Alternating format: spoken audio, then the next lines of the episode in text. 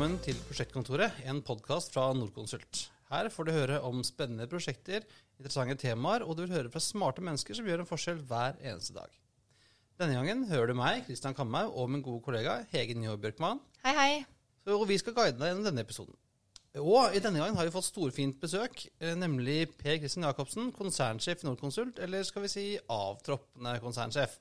Uansett, velkommen skal du være til prosjektkontoret. Ja, takk for det. Hyggelig å være her. Og med mer enn eh, seks år som konsernsjef og åtte år som styreleder før det, skal du nå snart overlate plassen til en ny mann, faktisk. Hvordan føles det? Det er jo litt rart. Eh, Jeg tenkte også på det med avtrappende, avtroppende konsernsjef, for det, føler jeg meg ikke som. Eh, Det er jo en stilling som enten du har den, eller så har du den ikke. Så det, sånn, så jeg, kommer jo til å oppleve og kommer til å være konsernsjef helt til den dagen jeg går av, tror jeg. Så det er liksom ikke noe sånn av, avtrapping som har begynt ennå. Det er veldig binært. Ja, det er veldig binært. Det, og, og mer enn det jeg trodde det skulle bli. Så, det, det er, så sånn er det bare. Men eh, som sagt, det er jo litt rart, og det kommer jo nærmere og nærmere. Og det, det er egentlig en tid for alt, da. Og, så det føles fortsatt riktig å ha gjort det. Og jeg har jo ment det i mange år, og vært ganske sånn uttalt på det også, at jeg mener at uh, toppledere ikke bør sitte for lenge, og ikke være for gamle. Så jeg får prøve å leve etter det sjøl også. Men uansett, i de årene du har ledet eh, Norconsult, har vi hatt en eventyrlig vekst. Både i omsetning og resultat, og ikke minst i antall kloke hoder. Hva tenker du at du er aller mest stolt av å ha fått til? Ja, det er jo et vanskelig spørsmål. Det er, det er, veldig mye å være stolt av når du har fått lov til å være sjef i Norconsult. Det er et fantastisk eh, selskap med, på grunn av at det har, eh, har utrolig mange fine ansatte. Og så har vi jo snakka mye om vekst i, i, mange år. Og, det er jo ikke noe som begynte når jeg overtok. Det Selskapet har vokst uh, veldig, veldig lenge. Og uh, det er en annen vekst som ikke vi snakker så mye om, og det er den personlige veksten som medarbeiderne våre også har her. Og det å ha et selskap hvor det ligger så til de grader til rette for det, at man også kan vokse faglig og personlig, og klare å holde på det når vi vokser med så store antall også. at nå er vi jo 4500 som jobber i, Norconsult hver dag. Og det å beholde den muligheten, og at uh, selskapet fortsatt er et godt sted å være for de ansatte, det er vel kanskje det jeg er mest stolt av. Mm. Ja, for Hvis vi ser på tiden som både styreleder og konsernsjef, så har du vært sentral i Norconsult i mange år, og mye har skjedd både innenfor veggene her i huset også ute i verden i løpet av den tiden. Så hva mener du at kan være den største forskjellen på det selskapet du overtok, og det du gir videre? Ja, det, det er jo altså det, det, som slo meg, er egentlig at det er nesten mer overraskende det som ikke har skjedd. Jeg husker det at vi, det er mange år siden, mer enn ti, at vi, vi var veldig opptatt av om det ville komme billigere ressurser fra, fra lavkostland og, og feie innom markedet i Norge og lage store endringer det har jo vært noe mer, mer ressurser fra, fra, andre land som har kommet, men, men, i veldig liten grad, egentlig. Eh, vi har snakka mye om endrede kontraktsformer. Men det er jo fortsatt sånn at det aller meste av det vi fakturerer, det er basert på, på tid, altså basert på timer. Og det at vi eh, fortsatt få betalt i stor utstrekning da, for den tida vi bruker, og ikke de resultatene vi skaper, det er jo noe vi, vi diskuterer hele tida. Det har vi diskutert lenge, og jeg tror den, den diskusjonen der blir ikke borte. Men kanskje noe av det som har forandra seg, er jo størrelsen. Og det tenker jeg at det er ikke alle i selskapet som merker like godt. Hvis du har jobba på samme kontoret med, eh, i, i, denne perioden, så ser du jo den veksten som skjer på ditt eget kontor eller i din egen avdeling. Men den veksten som har skjedd i selskapet, og den kraften da, som vi nå har i Norconsult til å, å, å løse de oppgavene vi, vi, klarer å vinne ut i markedet, det er nok en, en størrelsesorden forskjell men en annen ting som jeg opplever som ganske likt, det er jo bedriftskulturen. Den var jo veldig sterk når jeg kom også. Og den har vi klart å fortsette å bygge ut. på en måte Ta imot de nye som har kommet. og Mange av de har jo kommet gjennom oppkjøp. og Da har de jo kommet fra bedrifter med sin egen bedriftskultur.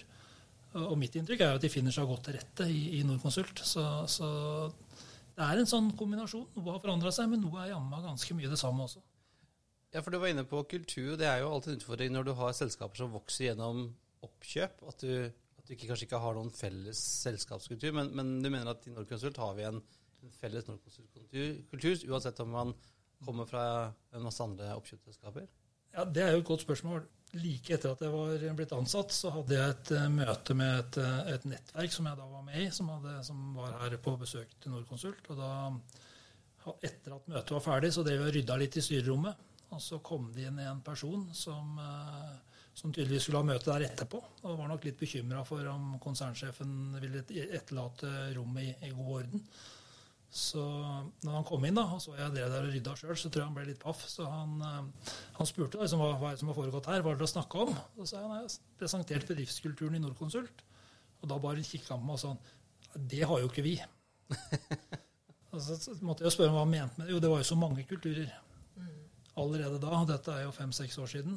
Og, og det er riktig. og Derfor så snakker vi ofte om bedriftskulturen vår som en plattform eller en paraply det er noen fellestrekk som, som, går igjen, og som vi er veldig opptatt av. Og det ser vi jo etter når vi, når vi skal uh, kjøpe opp selskaper også. Vi kjøper jo ikke selskaper hvor vi føler at det er en annen bedriftskultur eller som har andre verdier. Så, så det er en av de viktigste parameterne med, med, de selskapene vi kjøper. At vi tror at de også kan bli med i denne bedriftskulturen som er under utvikling, da, men som har en del veldig faste og gode og trygge sånn grunnverdier i seg. Det er, ikke, det er jo ikke lett å fortsette å la det leve når man har vokst så mye? Er jo, nå er vi fire, nesten 4500 mennesker. Nei, det kommer ikke av seg sjøl. Det må vi jobbe med. Og, og det, er, det, er, det, er, noe som vi er veldig opptatt av, og som vi også er veldig opptatt av at lederne våre skal være, skal være interessert i. Og, og, I bunn og grunn så handler det jo om å være interessert i de menneskene du er leder for og sørge for at de har en, en mulighet til å utvikle seg og, og, være seg selv på sitt beste da, hele tiden. Eh, så, så, det er en jobb, det der. Du, du, og du blir aldri ferdig. Det er, liksom sånn, det er noe du må holde på med hele tida. For i det øyeblikket du begynner å ta det for gitt, og tenke at, eh, at ja, nå har vi hatt det så lenge at nå sitter det nok i veggene, så begynner det å forvitre. Det har jeg vært med på i et annet selskap jeg jobba i for mange år siden. Og man tok for gitt at den bedriftskulturen man hadde, den var så sterk at den trengte vi ikke jobbe noe mer med. Det var, det var, liksom, det var ferdig. Og sånn er det jo ikke. Så det er viktig at, at, vi holder koken på det. Og at vi finner den rette balansen mellom å ta vare på det vi har, og så hele tida utvikle oss i forhold til det markedet og kundene trenger at vi, at vi skal utvikle oss på. Du har jo vært veldig opptatt av ledelse, og ikke minst ledelse og relasjoner. Og brukt veldig mye tid på det. Det må da også ha hatt en klar effekt på kulturutviklingen i selskapet? Ja, jeg håper jo det, og jeg tror jo også det. Eh, og det er jo et altså Kulturarbeid er jo det, det tar jo lang tid. Og, og du må Det var en som sa at, at du, et budskap er ikke gjennom i en organisasjon før du har spydd av det tre ganger sjøl. Så, så, du må gjenta deg sjøl ganske mye, da. Og det kan, være, det kan jo være litt sånn I begynnelsen så er det, er det litt sånn eh, vanskelig å, å, å, å, gjøre, men etter hvert så blir du vant til det. Jeg har valgt å bruke mye tid internt i organisasjonen. Jeg tror kanskje at Hvis en sånn managementkonsulent hadde fulgt etter meg, så hadde han sagt at det, hvorfor liksom bruker du ikke enda mer tid ute hos kundene? Men jeg tror det at nettopp fordi vi har vokst så mye, og fordi eh, det er en verdi å ha en organisasjon som, eh, som eh, trekker i samme retning, så tror jeg det har vært god bruk av tid. da. Du var jo litt inne på det, men, men det har liksom vært mye snakk om de siste tiåret om, om distrupsjon og, og, digitalisering, og at alle bransjer nå står i fare for å bli ja, fullstendig snudd på hodet av eh, ja, mer agile aktører som kommer inn. Har, vi har sett det i reiseliv, vi har sett det i media, vi har sett det i, innenfor varehandel. Og selv, selv begravelsesbyråer blir nå, nå, utfordret av nye digitale, raske aktører. Um, du snakket om, men, men, men tror du hva, hvordan er bransjen? Er nok, blir nok ikke utkonkurrert av billig arbeidskraft fra andre land, men, men hva, hvordan ser du på sånn mm. digital og AI og roboter og alt det der? Ja, Kommer roboten isteden, ja? At det er ja. de som kommer og tar jobben fra oss? Ja, nei, Jeg tror jo ikke det, men, men, eh, jeg tror det også samtidig er veldig viktig å følge med på det som skjer. Det som, eh, Hvis man bare leser media og, og er på, på sosiale medier og følger den debatten som er der, da, så er den ofte veldig sånn jeg vil nesten kalle det moteprega. Det er en eller annen ny idé eller et eller annet som, som får veldig eh, klangbunn, og så snakker alle om det. Eh, for halvannet år siden er det vel nå. Da, det, da kunne du gå på en konferanse om autonome kjøretøy nesten hver eneste dag i uka, tror jeg. Og det er ikke kommet enda, og det tar nok veldig lang tid før det kommer. I vår egen bransje så er jo det med digitalisering har vi jo holdt på med i hvert fall siden 80-tallet. Og det går an å argumentere med at det, starta før det også. Eh, man, da kalte man det jo DAC, datamaskinassistert konstruksjon. Eh, så var det 2D, og så er det blitt 3D. Og så har verktøyene våre, for det er det egentlig der, de er blitt kraftigere og kraftigere. Og vi kan gjøre mer og mer på, på, kortere tid. Og det som har på en måte redda bransjen, det er at oppgavene er blitt mer og mer kompliserte Og oppgavene er blitt kompliserte raskere enn verktøyene er blitt kraftigere. hvis du skjønner. Så det betyr at det er mange flere rådgivende ingeniører i Norge, og sikkert i mange andre land også, nå enn det var for ti år siden. Nesten tre ganger så mange. For Det skulle man jo ikke tro når man har BIM og når man har uh, automatiserte ting og du har datamaskiner som er kraftige. Så kan man tro at at nå gikk det fortere og enklere ja. og kjappere å få de, men det har ikke blitt, blitt, sånn, da. Nei, det er litt sånn kontraintuitivt akkurat det der. Og det kommer mest av, tror jeg, at oppgavene er blitt mer kompliserte. Vi gjør veldig mye mer eh, nå enn vi gjorde før. Det er mange flere fag som skal på banen, det er mye mer som skal utredes. Og det skal dokumenteres på en mye mer omfattende måte enn det man gjorde før, før man begynte å bygge noe. Eh, og, eh, men det som kanskje er i ferd med å skje nå, det er at, det, det er at de kurvene er mulig at de krysser hverandre. At verktøyene nå utvikler seg raskere enn kompleksiteten. Og da kommer det til å skje noe i bransjen.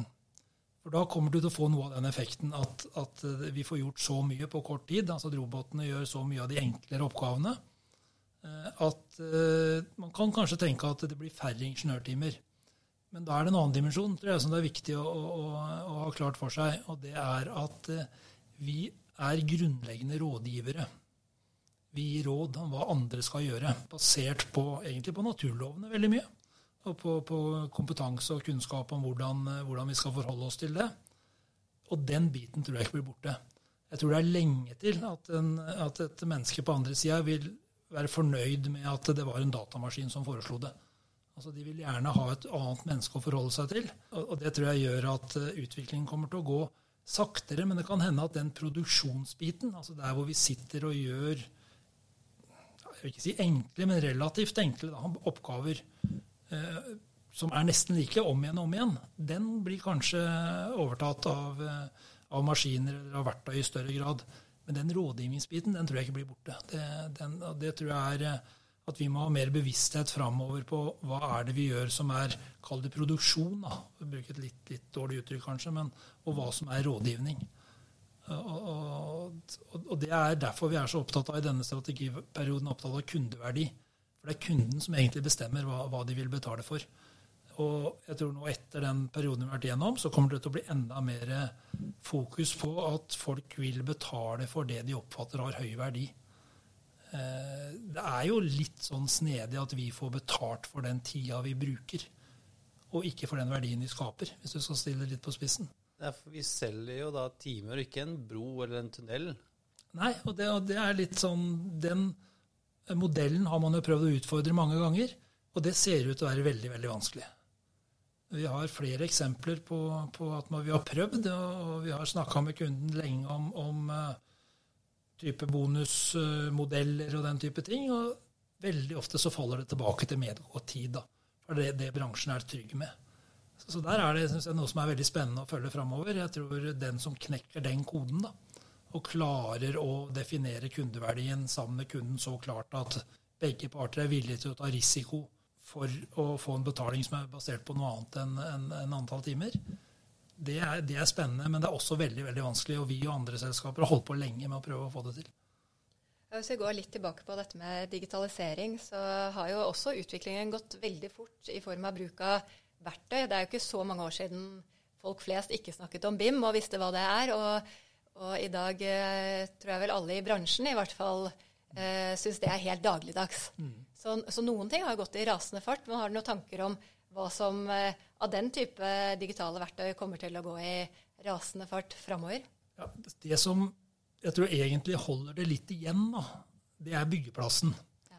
Jeg tror altså Vi som rådgivere og som, som prosjekterende, da, for oss har det vært relativt greit å ta i bruk sånn, avanserte verktøy, jobbe på modeller istedenfor tegninger. Sitte i, i, prosjektmøter med alle fag representert og jobbe på den samme modellen få den modellen ut, i, ut, sånn at det går an å bygge fra det. Men hvis du ser det som foregår på, på byggeplasser, så er ikke det er, liksom, det er ikke sånn overfolk av roboter der, da. Det er noen spette forsøk her og der med roboter som går rundt i etasjer og borer høl på natta. Sånn. Så, så, du ser konturene av noe. Men, men, jeg tror at for å digitalisere bransjen som helhet, så må du digitalisere hele verdikjeden. Og, og logistikken er også i ferd med å bli veldig digitalisert. Det er jo sånn at uh, Veldig mye av det som blir brukt på byggeplassen, er jo elektronisk merka. Helt, helt ned til veldig små deler. Så, så det har begynner å få mer og mer oversikt over. Men akkurat det å utføre arbeidet, da er det mennesker som går rundt og gjør det. Og det blir jo spennende å se om, om liksom, kommer det noe gjennombrudd der på, på byggeplassene. Ja, Vi har jo spilt inn en egen podkast om eh, helelektriske byggeplasser. Den får dere høre på en annen gang. Men eh, vi hadde jo tenkt å ta en prat med deg tilbake i mars. Men så kom koronaviruset, og det ble hjemmekontor og solid avstand og kanskje litt andre prioriteringer.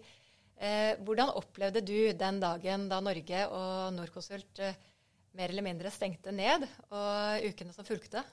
Ja, akkurat den dagen var jo litt eh, ja, både typisk og spesiell, da, for jeg var jo ikke her. Altså, min jobb er jo sånn at jeg er eh, veldig mye på farta. Jeg relativt lite på kontoret mitt.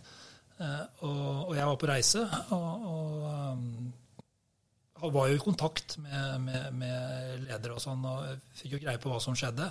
Men jeg var ikke liksom fysisk og opplevde det at det stengte ned. Men jeg var, eh, jeg var til gjengjeld på vei eh, da på den fredagen, så var jeg på vei opp på, på Sjusjøen, hvor vi har en liten leilighet. Og begynte å se på TV og begynte å se liksom hvordan folk uttrykte seg og reagerte. Så kan du si Kortversjonen er jo at jeg var en av de som ble kasta ned av fjellet. Han illsint ordfører som ikke ville ha noen flere folk i skiløypene. Tenkte, så, så, tenkte jeg at nå er det noe som skjer. Nå er det så mye utrygghet, og er, du ser liksom angsten i øynene på folk. Da, på at dette, dette, er en situasjon de ikke har vært i før og ikke, ikke har håndtert. Så, så, jeg opplevde nok dramatikken, men litt annerledes da, enn en, en, en på akkurat den fly, ut, flyttinga ut fra kontorene. Og så begynte vi å se på hva er det egentlig som skjer her? Og vi så veldig fort at eh, den eh, hva skal jeg si, migrasjonen fra 100 Norconsult-kontorer til 3000, som i praksis eh, skjedde når folk flytta hjem, den gikk veldig bra. Og mange andre selskaper hadde mye problemer med det rent teknisk.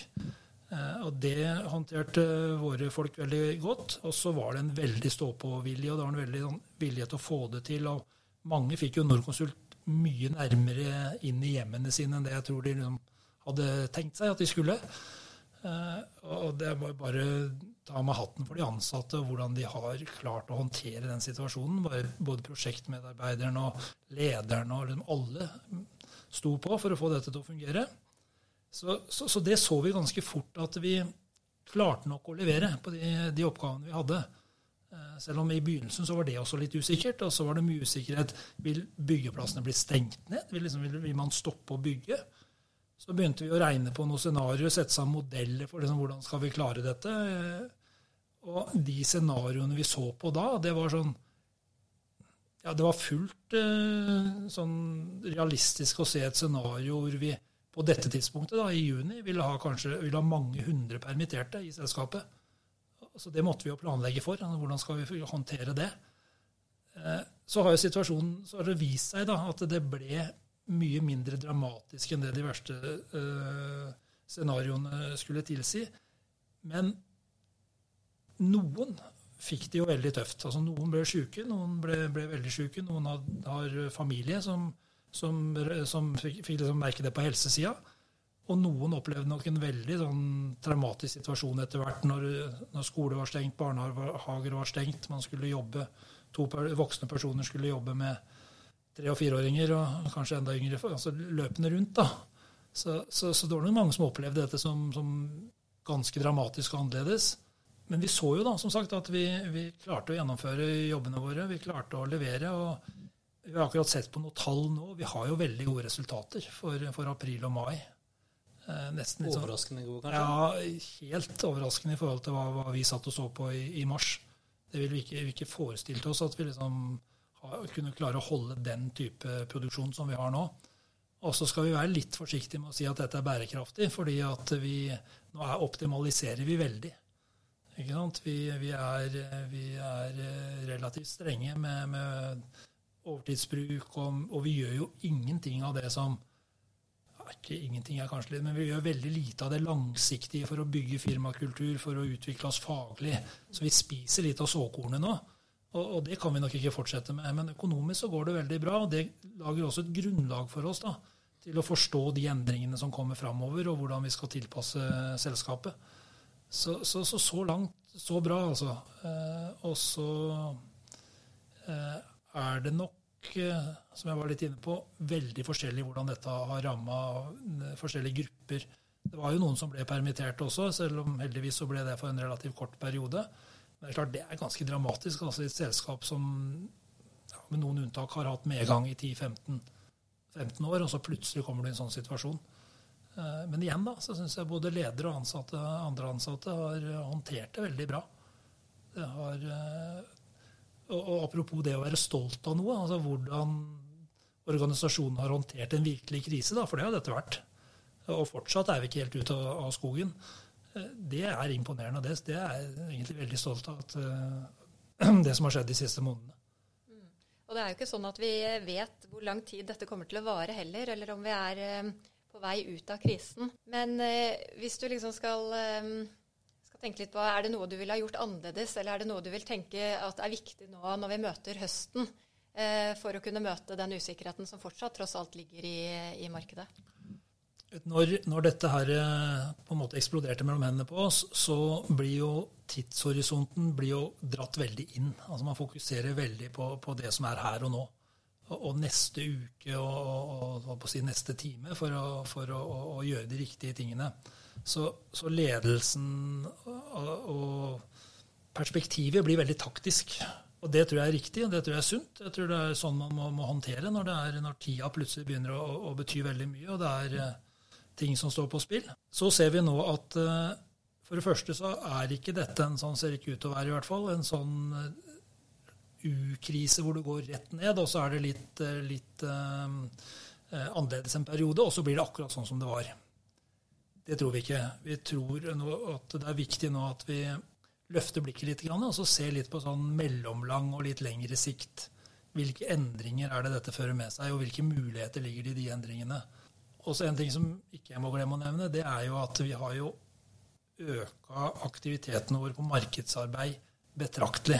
For det, det vi har sett, er at uh, de der jevne møtene som vi hadde med kundene, de er jo blitt litt borte. Altså det at man treffer kunden, man snakker litt, og så kommer kunden plutselig på at ja, det er jo noe mer du kan gjøre på dette prosjektet, det er jo noe annet vi skulle ha gjort. Altså der det er blitt litt, grann, ikke bare litt grann heller, det har blitt ganske mye stopp på, på, sånne ting. Og det har vi møtt med å øke tilbudsaktivitetene våre dramatisk. Det kan vi se på statistikkene også. Det er vel Ja, det er, om det er dobla Jeg tror kanskje det begynner å nærme seg det i forhold til det vi hadde før, før mars. Eh, og det håper vi, og vi begynner å se at det gir resultater. Eh, og det er noen store tilbud nå som skal avgjøres like før sommeren, som vi håper at vi får vår andel av. Så, så det, er, det, er, veldig spennende tider. Og det er altså På en måte så er jeg sånn realistisk optimistisk på at nå er vi gjennom det som kunne vært veldig dramatisk.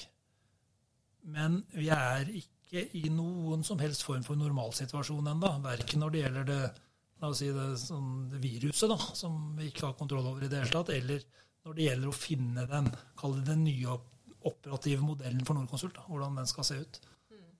Ja, Du har snakket litt om muligheter framover, og Winston Churchill eh, skal jo ha sagt 'Never let a good crisis go to waste'. Mm. Eh, er det noen andre muligheter du ser, og kanskje på lengre sikt, som eh, kan komme godt ut av denne krisen vi står i nå?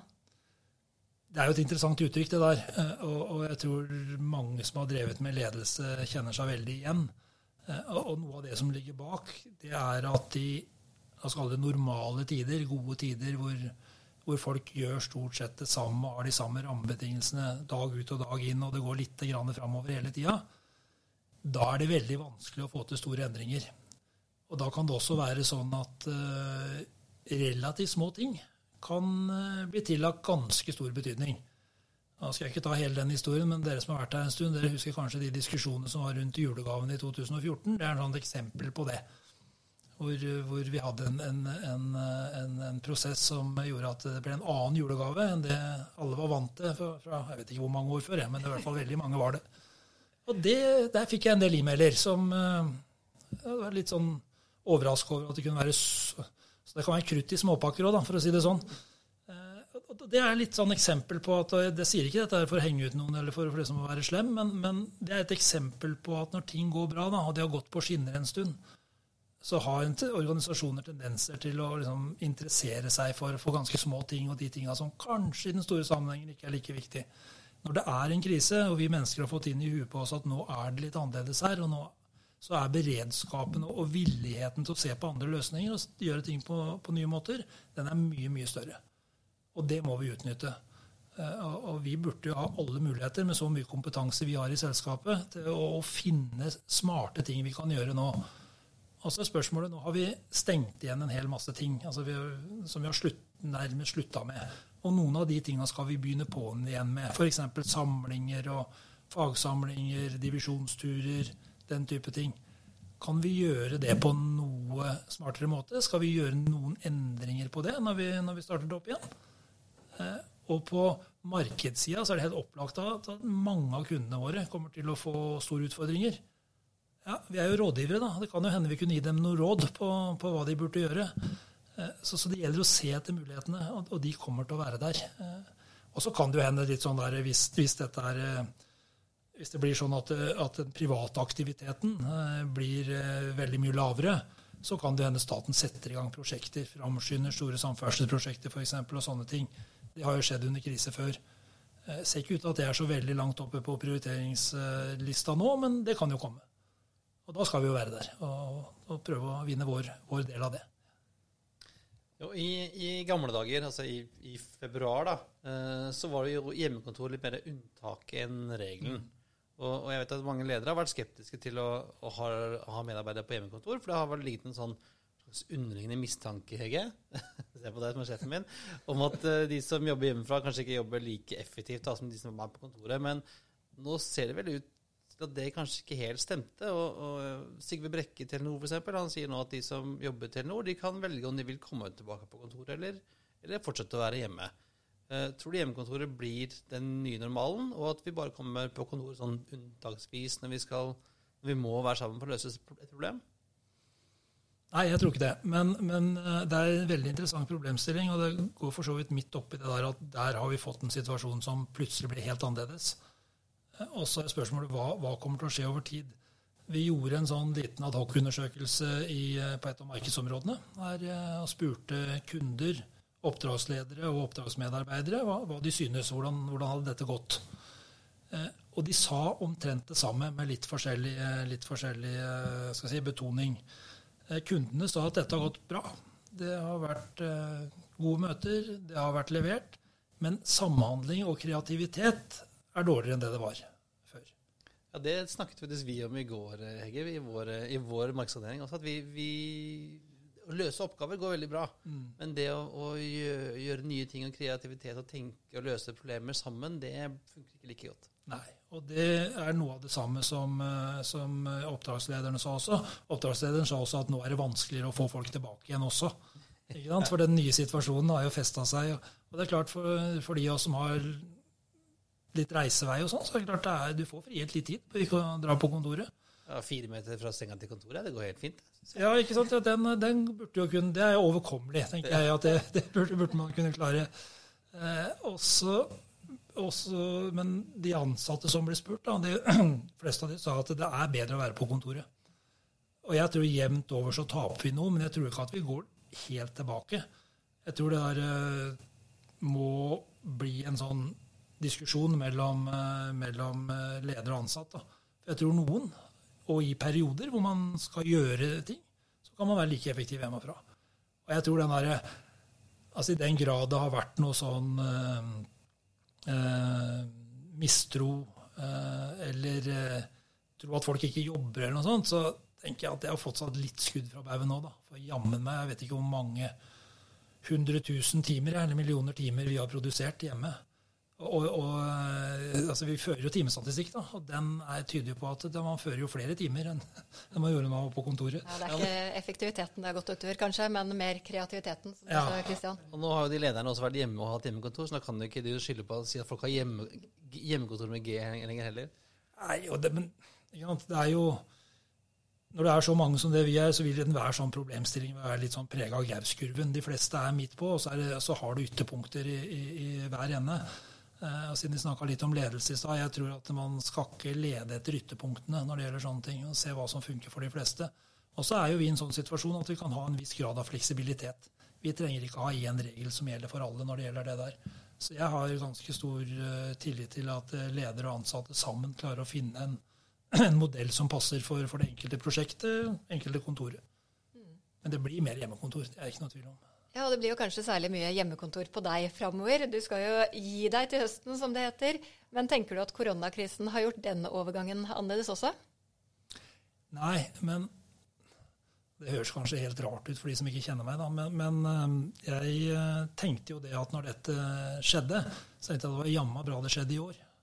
Altså mens jeg fortsatt er på vakt. Fordi at eh, jeg har jo vært med på, på ganske sånn eh, omfattende kriser i bedrifter før. Ikke sånn sykdomsrelatert, det, det var nytt, men, men alle de der følgene av at en bedrift får problemer og kanskje må nedbemanne og få problemer med likviditeten og kunden og alt det der. Eh, og jeg kjenner jo organisasjonen nå, kjenner, kjenner de eh, lederne og, og nøkkelpersonene veldig godt. Sånn at jeg tenkte at det var Det hadde nok vært eh, mer utfordring for en ny leder å plutselig få dette i fanget. Så, så, så, så det er kanskje en rar tanke å ha, da, men jeg tenkte at det var, det var fint, fint det kom nå. Og så har det jo vært litt annerledes på at det har fokusert på det taktiske mye mer. Jeg jobber jo, som jeg har vært inne på, vanligvis mye mer med strategi, lederutvikling. Bruker mye tid ute i organisasjonen. Så du kan si at en tredjedel av min jobb ble jo bare borte over natta. Altså det jeg vanligvis bruker tid på. Lederforum, introduksjonskurs, være med på møter, reise rundt i organisasjonen, ute hos kunder, ute, representere Norconsult ellers i samfunnet. Det tipper det at det var ca. en tredjedel av det jeg holdt på med. Det var jo borte over natta. Så sånn sett så fikk jeg jo anledning til å gjøre andre ting. Og så kom det jo en del operative ting som, som kom veldig sånn at Vi begynte jo å følge opp resultatet hver uke, f.eks., istedenfor for hver måned. og en del, del sånne ting. Men, men ellers så tenker jeg at det er, det er som inne på i stad, når du er konsernsjef, så er du det, altså. Så da får du bare ta det som kommer. Men nå kommer det store spørsmålet som alle stiller seg, det vet du kanskje ikke. Men eh, hva skal du gjøre når du ikke lenger er i Norconsult? Og vi som kjenner deg godt, vi ser på det som ganske usannsynlig at du skal pensjonere deg og bli lat på hytta. Eh, hva tenker du om fremtidsplanene dine? Uh, ja, um, ja, jeg skjønner jo det. Uh, det. Det er flere som bare ser ut av vinduet når jeg sier det at jeg skal ta det med ro. Det er, men uh, for det første så har jeg faktisk ikke brukt så mye tid på det ennå. Men jeg har jo noen ideer. Men jeg- jeg skal si et par ord om, om noe ikke jeg skal gjøre, så bare så folk vet det òg. Jeg skal ikke inn i noe ny, stor lederrolle eller noe sånn, den type jobb, for da kunne jeg hatt denne jobben. For det jeg tror det er den, i hvert fall for meg, den beste jobben jeg kunne hatt. Eh, og jeg skal ikke jobbe i noen som helst sammenheng eller noe rolle som på noen som helst måte kan ses og konkurrere med Norconsult. De som måtte ha noen sånne ideer, de, det, kan, det kan de bare glemme. Det er godt å høre. Ja, så det, det er i hvert fall helt sikkert. Og så tenker jeg at um, altså det I og med at jeg har tatt det valget at jeg ikke skal uh, være operativ leder sjøl lenger, så, så tenker jeg og for så vidt noe som har kommet de siste åra, at det jeg syns er mest moro nå, det er jo å være med og hjelpe andre til å, til å, å takle leder- lederrollen best mulig. da.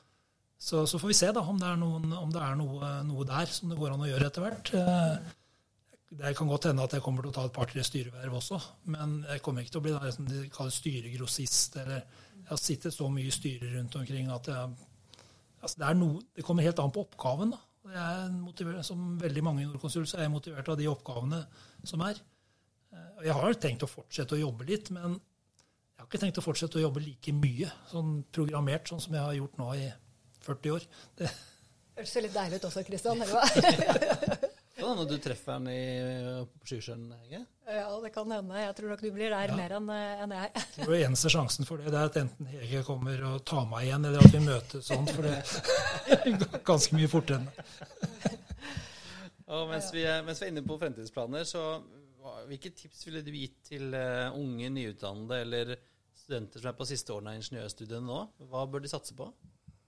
Ja, det er jo Det er jo på en måte veldig individuelt. Det er, det er liksom to grøfter å, å, å falle i, da, tenker jeg, når det, er, når det gjelder det der. Det ene er å bare flyte med været, og ikke liksom ha noe idé om hva man vil bli. Altså bare følge venninnen eller kameraten eller hva foreldrene tenker og sånn. Det, det er noen som gjør det, så de, de flyter av gårde.